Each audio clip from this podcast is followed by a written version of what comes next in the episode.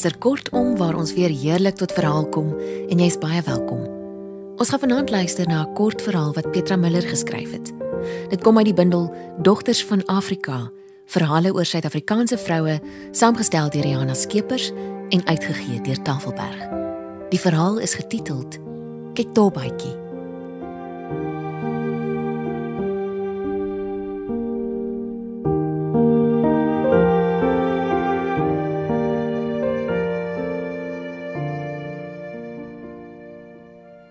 Die dogtertjie het 'n ongesonde kleur.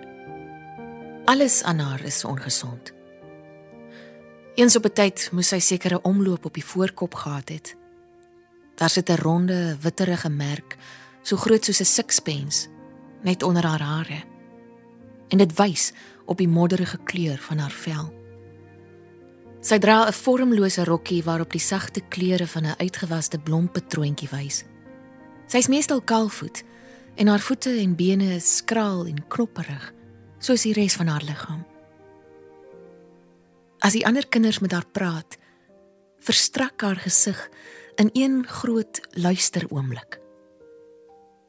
Dit gebeur nie dikwels dat hulle met haar praat nie. Sy is van die onbelangrikes en sy het dit ook lank gelede so aanvaar. Sy weet hoe om haar weg as onbelangrike te vind.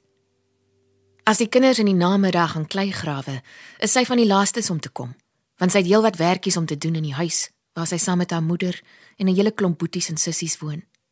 Want dit is niks buitengewoons nie. Omtrent al die kinders het werkies om te doen. Party moet help ranke plant, ander moet lucerne sny, ander kan al trekker bestuur. Hulle deel die nuus van hul take met mekaar. Hulle vertel as hulle sloot skoon gemaak het of as hul pa baie bevoeterd was met die pere of as hulle moes deeg afknie. Maar sy vertel hulle niks van haar werk nie, want sy weet hulle sal nie verstaan nie. Daar is baie arm kinders op die dorpie, naas die bemiddeldes, en daar's ook kinders van bandelose ouers. Twee van die seuns het 'n vader wat drink, en selde word daar in die kleisloot so gelag soos wanneer die twee bestertjies vertel hoe hulle hul pa klein kry as hy so gesuip is kostelike stories is dit die. Veral omdat dit gewoonlik goed afloop. Want die bester pa se naberou neem die vorm van geskenke aan. Pakke lekkers byvoorbeeld of 'n kan gifgroen koeldrank vir sy kroos. Baie van die geskenke vind hul weg na die kleisloot toe. Maar haar ouers is sleg. Niemand weet presies hoe en wat sleg nie. Hulle is sommer net sleg. Onder meer werk hulle nie. Maar dis nie al nie. Hulle is sleg. Die enigste eetgoed wat die dogtertjie ooit na die kleisloot bring, is die groot trosse wille druiwe wat sy steel uit die groot boer se wingerd. Smiddag as sy opkom kleisloot toe. Die druiwe is klein en geurig en suursoet. Die boer gebruik dit nie. Die wille druiwe word dus nooit gesnoei nie en groei rank en hoog aan die rand van die bewerkte wingerd. Die dogtertjie en haar boeties en sissies oes dit vir hulle self. Dit is geurig soos heuning en as 'n mens daarin byt, byt jy deur die wonderlike suur van die vel tot in die soet van die deurskynende vleis. Sy laat sak dit in haar mond en eet soos 'n dier van die tros af met druiwe sop wat uit haar mondhoeke loop.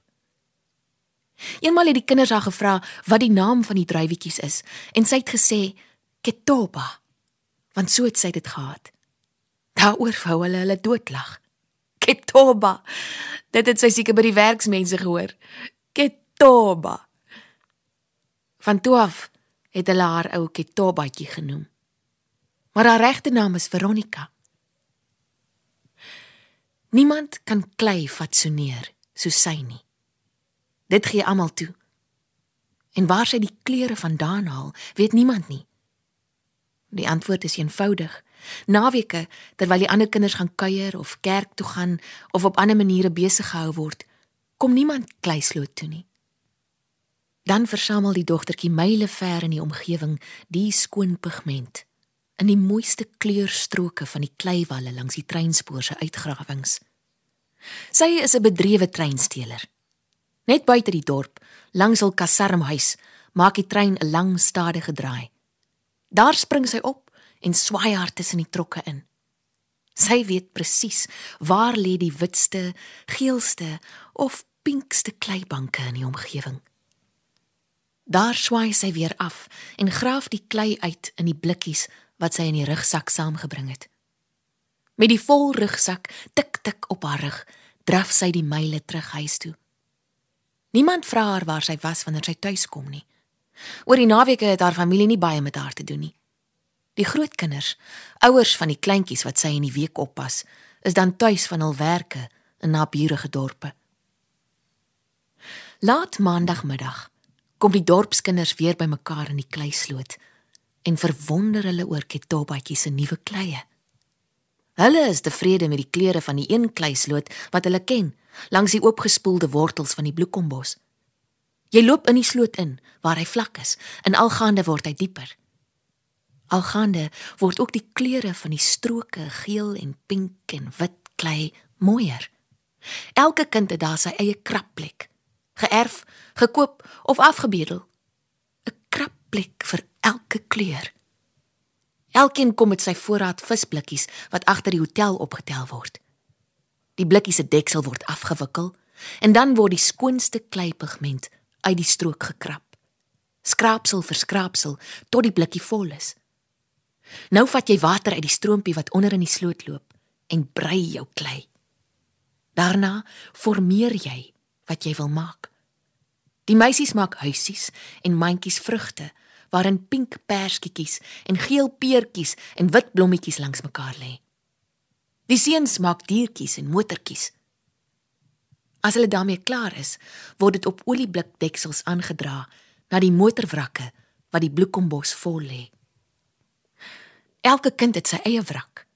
Hy stel dan sy uitstalling van kleigoed in die wrak op en almal kan kom kyk. Ketobatjie se goed is altyd die mooiste. Sy het 'n soort donker pers klei. Waarop aarde kry sy dit vandaan? Waarmee sy die wille druiwe trosse namaak. So wonderlik dat jy dit nie kan glo nie. Sy rol en rol die slangetjie klei tussen haar vingers, breek af en rol weer. Dan met vinnige bewegings van haar spitsvingertjies pak sy met eens die korreltjies saam tot 'n tros. 'n Losse, ligte, blaardeurrankte tros wille druiwe. Sy maak persdruiwe en wit reiers op dun bene en 'n rooi wiel wa en 'n groen, 'n groen hoor, spider. Sy kan enige iets maak. As jy vir haar sê, "Ketobatjie, maak gou 'n dorsmasjien." Dan kyk sy na jou met haar vuil grys oë en sy maak dit tot by die lang tyd en die vol sakke met hul wegstaan oortjies. Maar sy stel nie haar klei goed ten toon soos die ander kinders nie. Sy bring 'n skoendoos kleisloot toe en daarin neem sy die goed weg. Niemand weet waar hy nie. Ek het my eie uitstalplek, sê sy wanneer hulle haar vra. Sy stal seker haar pa se Oldsmobile uit, skree Tommy Bester. Sy het 'n lewende motor, nie 'n dooie een soos ons nie. Hier, skree sy Boetie. Sy stal uit op die show by die VLV se konfyt kleikonfyt. Oei! Kom kyk vanmiddag na Ketobatjie se kleikonfyt, eerste prys by die show. En in die verbygaan wil hy haar blikdeksel omskop, maar sy het dit verwag en rats onder sy greep pad gegee. Hulle maak maar so. As hulle haar nie kan beet kry nie, sal hulle wel met een van die ander meisies begin heel. Sy draai haar rug na hulle en begin aandagtig met haar tong op haar onderlip vasgebyt, werk aan 'n bruin simmentaler koetjie waarop sy met klim klontjies wit klei die pragtige skoon wit velvlekke aanbring. Presies net soos hy die koei van die grootboer afgekyk het. Janetta Nel is die dogter van die grootboer en sy is die enigste van die kinders wat nie ma het nie. Haar pa en ma is geskei en haar ma woon in die stad. Elke lang vakansie gaan Janetta by haar ma kuier en dan kom sy met wonderlike geskenke terug. Die meeste van hulle beny haar dit dat sy 'n ma in die stad het. "Hey, daar kom Janetta!" skree die kinders as hulle haar sien aankom kleisloot toe na haar vakansie. "Kom wys wat jy het, Janetta! Kom gooi 'n bietjie Engels." "I is you are," skree Janetta van ver af. En sy gly in die kleisloot in, sommer op haar rok, want sy gee nie om nie. I is full of money.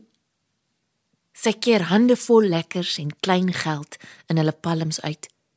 Janetta eet al so vol lekkers by haar ma in die stad dat sy die oorige saambring en uitdeel. En sy wys hulle die geskenke. Sy kry geskenke van oor die hele wêreld, want haar ma reis baie en sy bring altyd iets saam. Daar is 'n onyx ringetjie uit Suid-Amerika en geborduurde slippertjies uit Japan. Eenmal was daar ook 'n handspieeltjie met skilpaddop aan die rugkant en 'n kant sakdoekie geheel en al met die hand gehekel uit Malta. Hulle deel almal in die vreugde van Janetta se geskenke. "Yes!" Sê hulle en spoel die kleigroontjies van hulle vingers af voordat hulle aan die speeltjie vat. "Hoe sal 'n mens nou 'n skilpad bewerk?" wonder teens die bester, dat sy doppies so netjies afspring. "Het jy nie gevra nie, Janetta?" "Nee wat?" sê sy. "Maar ek weet hoe die kantsakdoekies gemaak word. Die vroue sit langs die hawe in die skaduwee van 'n ry tamariskbome en dan werk hulle die kant so oorhands met bobbentjies. Die dogtertjies ook. Daai sakdoekie is deur 'n dogtertjie gemaak." "Hoe lyk 'n tamariskboom?" vra ek Tobaitjie. "Tamarisk, tamapisk, wat wil jy maak as jy weet?" vra hulle. Ek dink daar staan 'n tamariskboom in ons tuin. Daaroor wil hulle al doodlag. in die kasarm se tuin, skreeu hulle. Staan 'n tamariskboom. Is daar nie ook 'n kantmakery nie? Is sê sy onverstoord. Die dominee was laas daar en hy het so gesê, 'n Bybelse tamarisk. Hy het sulke groot hol tussen sy stam. Ek klim daarin. Teens die bester lek sy voorvinger nat en steek dit met 'n sisgeluid in haar rigting. Psk, sê hy. Die dominee kom kuier. Julle is grand daar in die kasarm. Julle kom aan. Bedoel jy die wit mens dominee? Vra sy boetie. Nie die sendeling nie. Sy steur haar nie aan hom nie. Die mooiste van Janetta se geskenke is die string perlemoenkrale wat haar ma uit Israel gebring het. Hulle is langwerpig en effens gepunt aan die een kant en op hul rondingkies swem die kleure van 'n oggendsee, ligpink en blou en 'n wasige persblou. Hulle is koel en swaar, swaarder as klip. Of so voel dit vir Ketobaitjie terwyl sy hulle deur haar vingers laat gly. Sy kry net eenmal die kans om hulle vas te hou. Daar is 'n tamariskboom in die tuin van die kasarm. Dit is daarheen dat sy vlug wanneer sy die brassery in die huis nie meer kan verdra nie. Want die trein hou soms stil daar by die huis, veral oor naweke, al mag dit nie geskied nie. En dan klim 'n paar mans af. Môre, wanneer die oggendtrein verbykom, klim hulle weer op. En dan is dit Sondag. En haar ma sit swaar en loom by die kombuistafel en rook met diep genot haar sigaret. Haar pa slaap in een van die slaapkamers van die groot ou huis en iewers in 'n ander slaapkamer slaap haar oudste suster op 'n dubbelbed matras op die vloer saam met die nuutste baba wat huil. Veronica sê haar ma dralend. Gaan al die baby, maak hom droog. Ek kyk nie oor naweke na die baby nie, sê sy nikkerig. Gaan al die baby, sê haar ma goedmoedig. Ek sal hom droog maak as jy te heilig is daarvoor. Die kleintjie het van die matras afgerol en hy lê in stik in sy neusslaim terwyl haar suster rustig slaap. Nat donker krulle oor haar wang en skouers. Haar wit melkswaar bors is ontbloot. Veronica verbeel haar, as 'n mens jou vinger daarin steek, sal daar 'n gaatjie bly sit, soos 'n uitgeryste brooddeeg. Die kind is skam al lankal gespeen, maar elke keer as haar suster vir die naweek by die huis kom, begin haar melk weer te loop. Sy kan dit nou sien terwyl sy na haar kyk, hoe die druppel daar vergader van die baby se huil. Nou nou gaan dit afval.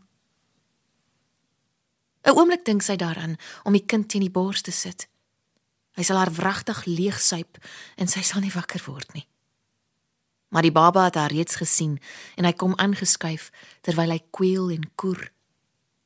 Sy pas om in die week op terwyl haar suster in die groot dorp werk. Sy pas al die kleinkinders op. Haar ma se, haar susters se en haar aunties se ook wat glad nie eens naweke met die trein uitkom om na haar kinders te kyk nie, soos haar suster maak. As hulle te veel word vir haar, klim sy in die tamariskboom en sy gaan lê in die holte. Daar hou sy haar paar heilighede weggesteek in 'n droë knoets van die stam wat sy self dieper uitgehol het. Haar versameling koerantprente van mooi vrouens, haar fluweellappies, haar lucky charms, haar blikkie skaars pigment. Sy lê in die boom terwyl die kleintjies in die verwaarloosde tuin ronddwaal en skree en later onder die bome begin speel met afgevalle sade. Hulle kan niks oorkom nie. Reg rondom die tuin is 'n hoë klipmuur wat in die ou dae die pragttuin teen die diere moes beskerm. Dit is reeds aan die verkrummel, nes die ou huis maar dit hou nog en die kleintjies kan nie uit nie. Sy lê salig in die boom en kyk na die vraaiings van die tamariskboom teen die lug. Janetta dra die perlemoenstring skool toe. Sy wys vir almal, tot selfs vir juffrou, wat vra of sy dit mag omhang. Dis 'n lang string. Dis 'n kosbare ding die, sê die juffrou. Jy moet dit oppas. Kan ek dit ook asseblief na juffrou omsit? vra ek Tobatjie vinnig. Ek sal vir jou my beste gevlekte koetjie gee. Sy sit die koetjie op die tafel neer. Juffrou se hand skiet dadelik soontoe uit. Veronica, sê sy. Waar het jy dit gekry? Sy het geweet juffrou sou vir die koetjie val. Sy het dit geweet. Ek het dit gemaak, sê ek Tobatjie. Gemaak? Ja, ons maak die goedjies by die kleisloot. Maar niemand kan maak soos sy nie. Dit sal ek sê. Gee teens die bester antwoord. Dis Bontlies van Janetta se pa. Jy kan sowaar sien watter koei dit is. Veronica, sê juffrou. Dis 'n kunswerk die. Dis 'n regte stuk beeldhouwerk. Maak jy nog sulkes? Ag, ek maak. Sy steek hulle weg, juffrou. Sy wil nie vir ons sê waar sy hulle hou nie. Sy seker bang jy vat dit stikkend. Is dit Janetta se pa se koei? Sy knik. Juffrou haal die perlemoenstring af en plaas dit self om Ketobatjie se nek. Janetta sal sekerlik nie omgee dat jy dit rukkie dra nie, sê sy. Selfs al gee jy nie vir haar die koetjie nie.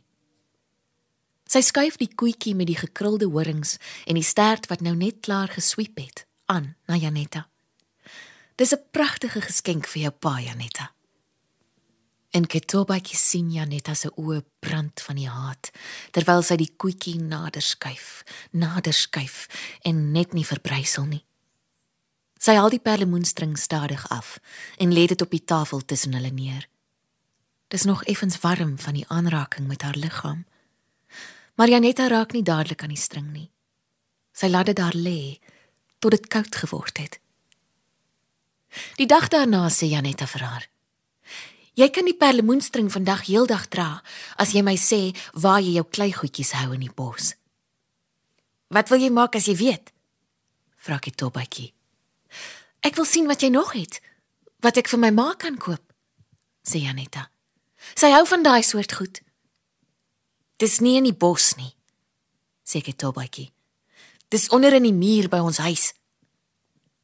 Geen een van die kinders sal ooit by hulle huis kom nie. Dis veilig om te vertel. Sy kry die perlemoenstring en die hele dag hang dit teen haar vel, 'n swaar, heerlike gewig. Dan haal sy dit af en sy gee dit terug aan Janetta en beloof om haar nog 'n diertjie te gee. Sy moet net sê wat. Die Vrydag raak Janetta se perlemoenstring weg. Oënskynlik van haar lyf af. Haar hysterie steek die hele klas met eens aan, sodat die juffrou moet ingryp. Maar sy kry nie die skreeuende kind tot bedaring nie. "Sy het dit gevat!" skreeu sy op Ketobatjie. "Toe ons in die hokkies was, die knippie oopgebuig. Sy!" Ketobatjie begin in 'n hoë, skril stem vloek.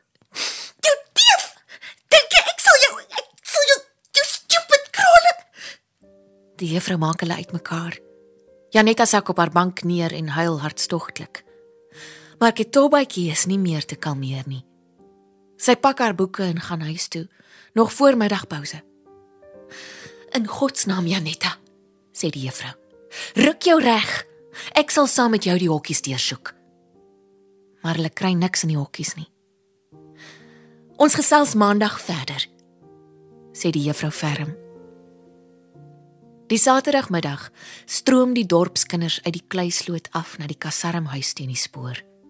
Hulle skuil agter die muur en ondersoek dit klip vir klip totdat hulle die bergplek kry.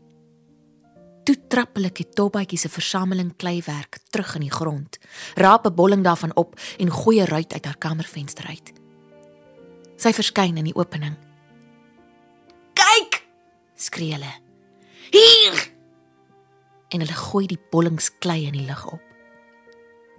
Hulle swerm deur die tuin en gee vinnig pad, al met die spoor langs. En sy, Veronica, stort uit die huis in die tuin, krabbel in die tamariskboom op tot in haar wegkruipplek waar sy haar kleinode uit hul houers haal.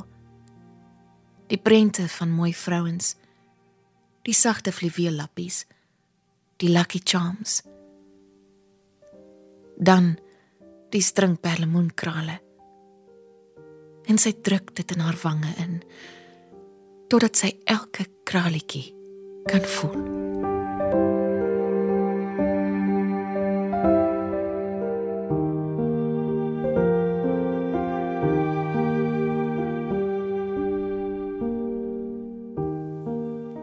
Dit was dan Ketobaitjie deur Petra Miller.